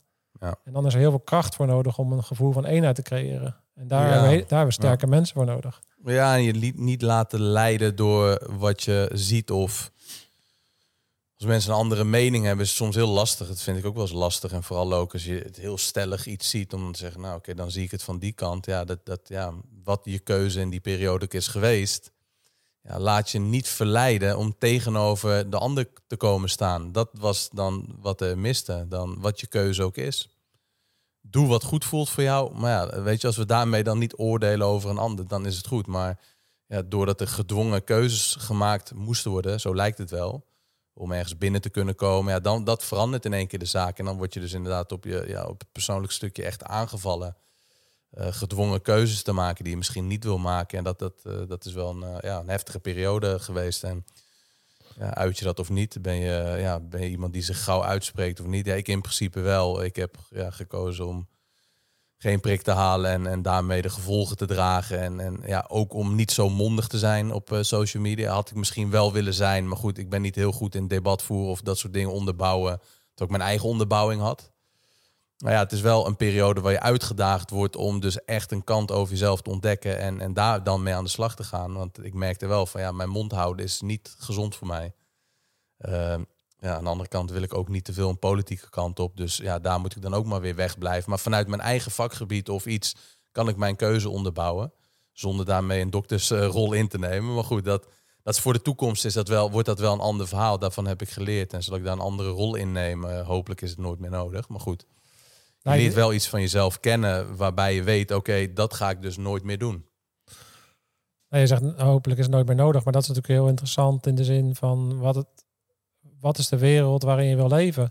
Ja, Dat is natuurlijk wel interessant. En wel, wat wil je daarin doen? En dan binnen je eigen sfeer van invloed ga je daaraan werken. En dat doe jij. Mhm, ja. Jij, jij eh, ja, je gelooft in een eh, bepaalde lifestyle. En eh, je- je- in het bedrijf wat je hebt opgezet, daar heb je een bepaalde visie achter. Je probeert die boodschappen in een podcast te brengen. Je hebt een online community die je aan het bouwen bent, waarop je jouw visie en eh, een belangrijk onderdeel van hoe jij naar het leven kijkt, eh, probeert te faciliteren. Dus daarin ja, kies jij van, nou, zo, wil ik graag dat de wereld in elkaar zit en zo wil ik dat mensen met zichzelf omgaan en, eh, en daarin ook eh, de wereld eh, aan, aangaan, zeg maar. Dus als iedereen dat op die manier zou doen vanuit zijn eigen kracht, dan denk ik al dat, we, ja, dat, dat het veel makkelijker wordt om ook in dat soort crisissituaties eh, elkaar te vinden. Ehm, ja, Ja. ja, dus dat zijn, eh, dat zijn mooie eh, thema's. En ik denk dat een podcast ook, je gaf het net al aan, ja, het, is, het gaat niet om het journalistieke. Het gaat om eigenlijk, wat, wat ik zo mooi vind, wat jij eigenlijk perfect verwoordt, hoe ik het ook zie, is het is een soort spreekbuis. Weet je, hoe jij de wereld ziet, wordt verteld door middel van de gasten die je uitnodigt. Dat is wel een prachtig, eh, een prachtig thema. Ja, en het mooiste is nog als, wat ik ben iemand van doen en jij denk ik ook. Mhm, zeker. Het mooiste vind ik als ik berichtjes terugkrijg van ik luister al lang naar de podcast en heb ik eindelijk de stap gemaakt om te solliciteren bij Defensie of bij die eenheid. Of ik heb eindelijk ervoor gekozen om weer contact te zoeken met mijn vader. Ik heb berichten gekregen van een jongen die zei ik heb besloten om geen zelfmoord te plegen. Wauw. Omdat, ik, omdat ik toch vind, weer kracht heb gevonden, omdat ik vaak naar de podcast luister. En dan denk je, wauw, ja, de- al die momenten waarop ik wel eens denk, waar ben ik mee bezig en waarom maak ik dit eigenlijk? Dan probeer ik wel, ook, ook daar haal ik dan weer kracht uit. Naast mijn eigen kracht, om, omdat ik het gewoon mooi vind om te maken, heb ik wel eens momenten dat ik denk, ja, maar er zijn echt mensen die hebben er echt iets aan. Ja, ja, mooi hoor. Dat maakt Ja, dat maakt weer dat je het eh, ja, uiteindelijk weer gemotiveerd raakt om het uiteindelijk te blijven doen. Ja, want dat zou je ook herkennen. Nou ja, je hebt, je hebt mensen nu i- ingehuurd om hier eh, dat voor jou te maken. Ik doe heel veel dingen zelf. Ehm, maar het kost jou ook tijd om die gasten te vinden. En je hebt je eigen bedrijf die je moet runnen. En vandaag heb je een rustigere dag. Maar dan vervolgens plan je dat weer vol met podcast maken. Weet je, het kost iets om een podcast te maken. Ehm, dus dat moet in lijn zijn met, oké, weet ik waarom ik het doe en, eh, en wat levert het op. En ja, een van de factoren daarin is eh, natuurlijk een hele belangrijke factor is voor wie, voor wie maak ik het eigenlijk? Ja. En eh, voeg ik daarin waarde toe? Voor mij is dat heel belangrijk. Ik wil graag meer brengen dan ik kom halen in deze wereld. Zolang ik dat kan doen, dan ben ik happy. Ja, nou, dat, dat gaat zeker goed. Dat denk ik wel dat je heel veel mensen helpt en mooi als je dat ook terugkrijgt. Ehm, en ja, weet je, dat, dat, nou, dat is gewoon interessant. Eh, hoe dat zich uiteindelijk meer en meer aan het ontvouwen is. Hè? Dat een podcast een steeds belangrijkere rol geworden is. En ja, gewoon de tv kijken, dat steeds minder, dat, minder mensen dat gelukkig doen. Ehm, ja, hier heb je dan wellicht wat aan. Het hoeft niet jouw podcast per se te zijn of die van mij, maar gewoon een podcast die, die, ja, die je aanspreekt. Ja, ik hou van dat disrupten, want dat is grappig. Als je nu deze setup kijkt waar jij dan eh, nu in zit. Als je dat vergelijkt met 20 jaar geleden, dan had je daar een halve ton voor nodig. en een studio ergens Ja. in Hilversum. Ja, En nu komen we op een fase dat je eigenlijk met eh, ja, weinig middelen eigenlijk eh, gewoon... Ja, je bent eigenlijk een soort van eigen tv-zender. ja, ja, in principe wel, ja. dat is toch te gek? Ja. Ja, dat zijn mooie dingen. Ehm, even kijken, dat was ik net even vergeten te vragen. Ik vind het wel interessant. Jij was ook leidinggevende van, van Sander Aarts, die, eh, die dus met Special Forces het programma, tv-programma, echt ook eh, daaraan, eh, ja, daarin eigenlijk de, de leidinggevende is dan. Dat zijn wel programma's die dan ook wel een beetje met zo'n, hoe zeg dat, die komen wel echt overeen met, met realistische dingen ook. Dat is ook wel een vraag die ik dan had. Nee, dat- kamp van Koningsbrugge, of in ieder geval niet natuurlijk met, met die, met die eh, letterlijk eh, met, met Afghanistan. Maar wel met hoe je een beetje klaargestoomd wordt voor. Of zijn het gewoon elementen uit de opleiding? nee, ik vind niet dat het enige mate realistisch is. Mhm, Het is showbiz. mhm, Dat is oké. En hoe ik daarnaar kijk is waarom het niet realistisch is, omdat zij de deelnemers acht dagen in, aan een programma meedoen. Ja, Als ik kijk naar wat ik heb moeten doen om special forces te worden, dan- praat je over acht jaar opleidingen. Van Franse legionairs tot en met koud weertraining met de Noren, eh commandoopleiding met de Engelsen, eh, allerlei training van parachute training tot aan eh, special forces trainingen, weet ik het allemaal niet. En het is niet iets waar je, ja, dus dat is een, an, dat is al een andere, andere factor die, die er meespeelt. mhm, En het andere is dat hoe ik naar Special Forces VIPs of naar Kamp van Koningsbrugge kijk, is dat het een hele interessante methode is om mensen op een punt te brengen dat ze geen façade meer kunnen laten zien. Dus je neemt dus, je pelt een stukje van die buitenwereld af, waardoor je tot de kern kan komen om te zien uit welk hout iemand echt daadwerkelijk gesneden is. Ik vind dat het de methode die ze daar gebruiken heel uitermate voor geschikt is. Maar ik denk niet dat het een realistische weergave is van hoe het echt is om te kiezen om commando te worden of om marinier te worden. Ik denk dat, dat daar veel meer bij komt kijken, omdat je daadwerkelijk wordt opgeleid tot marinier. Betekent dat je bereid moet zijn om iemand te doden en om gedood te worden en om in situaties te komen waarop jij ehm, ja, moet, moet handelen on- onder hoge druk. En ik denk dat dat niet vergelijkbaar is met met een rugzak lopen in een tv-programma. Ja. En dan, dus, dus daar zitten gewoon nuanceverschillen in die heel belangrijk zijn, waardoor het niet echt realistisch is. Er worden natuurlijk methodes gebruikt die ook gebruikt worden bij, bij Defensie. ja precies. Het zijn elementen Het gewoon. zijn elementen en het ziet, het ziet er leuk uit en het is gaaf. Maar het belangrijkste wat het is, is wat ik al zei, is van ja, het is gewoon interessant om te kijken naar de mens en eh, wat, wat als, als je dat nou afpelt. Eh, hoe reageert iemand onder, als iemand tegen hem staat te schreeuwen of als iemand moe is en wat gebeurt er dan? Dat Daar werkt dat eigenlijk heel goed dat voor. is eh, super, super leuk om te kijken en dat is wat ik met Hell Shooter, mijn, eerste bedrijf natuurlijk eigenlijk ook deed in een andere vorm. Ja. Dat, daar werkt het ook als een trein. Ja, top.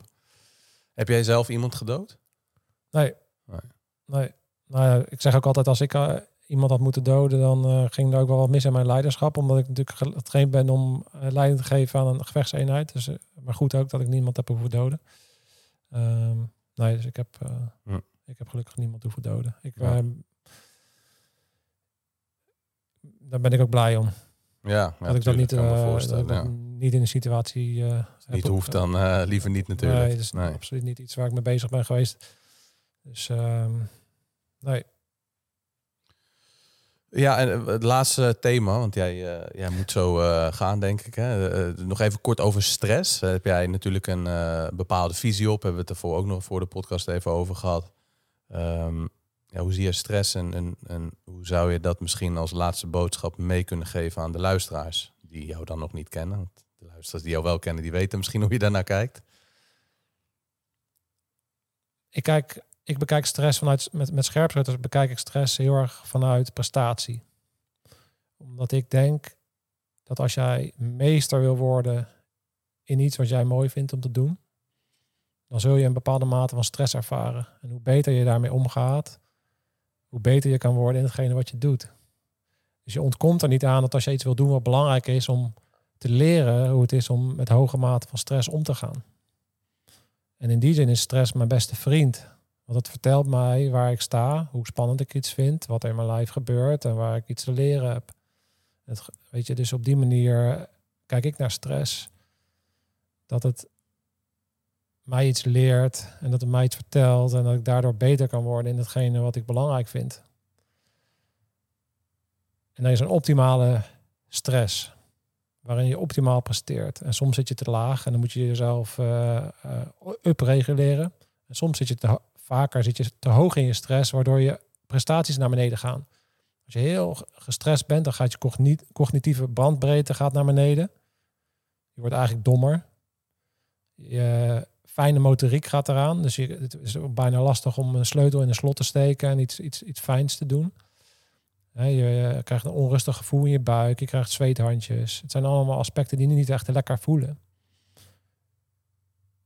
En waar komt dat dan vandaan? Het kan een directe stress zijn omdat er iemand met een wapen op je gericht staat. Maar het is vaker zo dat je stress zelf oplegt. Want ik moet eigenlijk op het podium staan. En wat zullen die mensen wel niet van me vinden? Hm. En er gebeurt er al van alles in je lichaam. Ja, dus in die zin uh, ja, moet je daarmee omgaan. Want ik vind het belangrijk om mijn verhaal te vertellen op het podium. Dus ja. ik zou wel fijn vinden als ik daar optimaal presteer. En niet met zweethandjes en uh, samengeknepen billen en uh, helemaal kapot sta te gaan op het podium. Want dan presteer ik ook niet het best.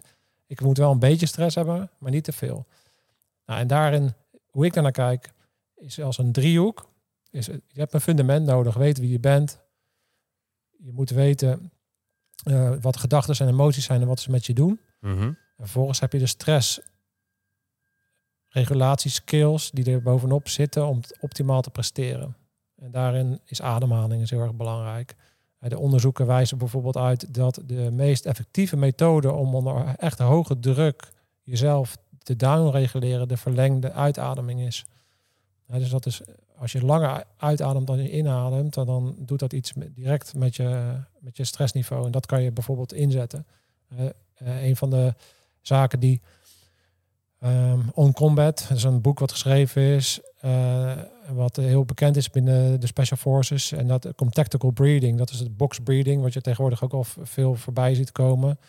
Dat is een, een methode om te downreguleren. Maar als jij onder hoge druk staat, dan en je moet vier tellen in, vier tellen vast, vier tellen uit, vier tellen vast gaan tellen, dat geeft, dat, daar heb je helemaal geen ruimte voor als je onder druk staat. Dus daarin zeggen wij van gebruik de verlengde uitademing is veel makkelijker toe te passen als je daadwerkelijk onder uh, hoge druk staat tijdens een prestatie. Nou, dat, dat soort kennis probeer ik te delen. Uh, met Erik Heijn, dat is een wetenschapper met wie ik samen een programma heb gemaakt. En, en daarin komt mijn praktische ervaring, zijn wetenschappelijke ervaringen hebben we samengevoegd, waardoor we echt vanuit de meest recentelijke onderzoeken echt kunnen zien, kunnen vertellen van dit is wat stress is, dit is hoe wij er naar kijken en dit zijn de methodes om zo goed mogelijk te kunnen werken onder stress. Ja.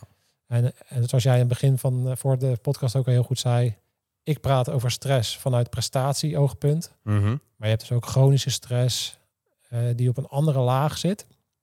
En chronische stress is, is wat we allemaal waar kennen, waar misschien burn-outs vanuit vandaan komen, waarop mensen gewoon geen zin hebben om dingen om op te staan s ochtends. En dat zit bij mij in het fundament van weten wie je bent. Als jij lang genoeg dingen doet die je niet wilt vanuit je kernwaarden, maar je op een of andere reden dat toch maar blijft doen omdat je financiële omstandigheden je daartoe dwingen of andere omstandigheden, dan ervaar je een lange blootstelling aan stress die niet goed voor je is.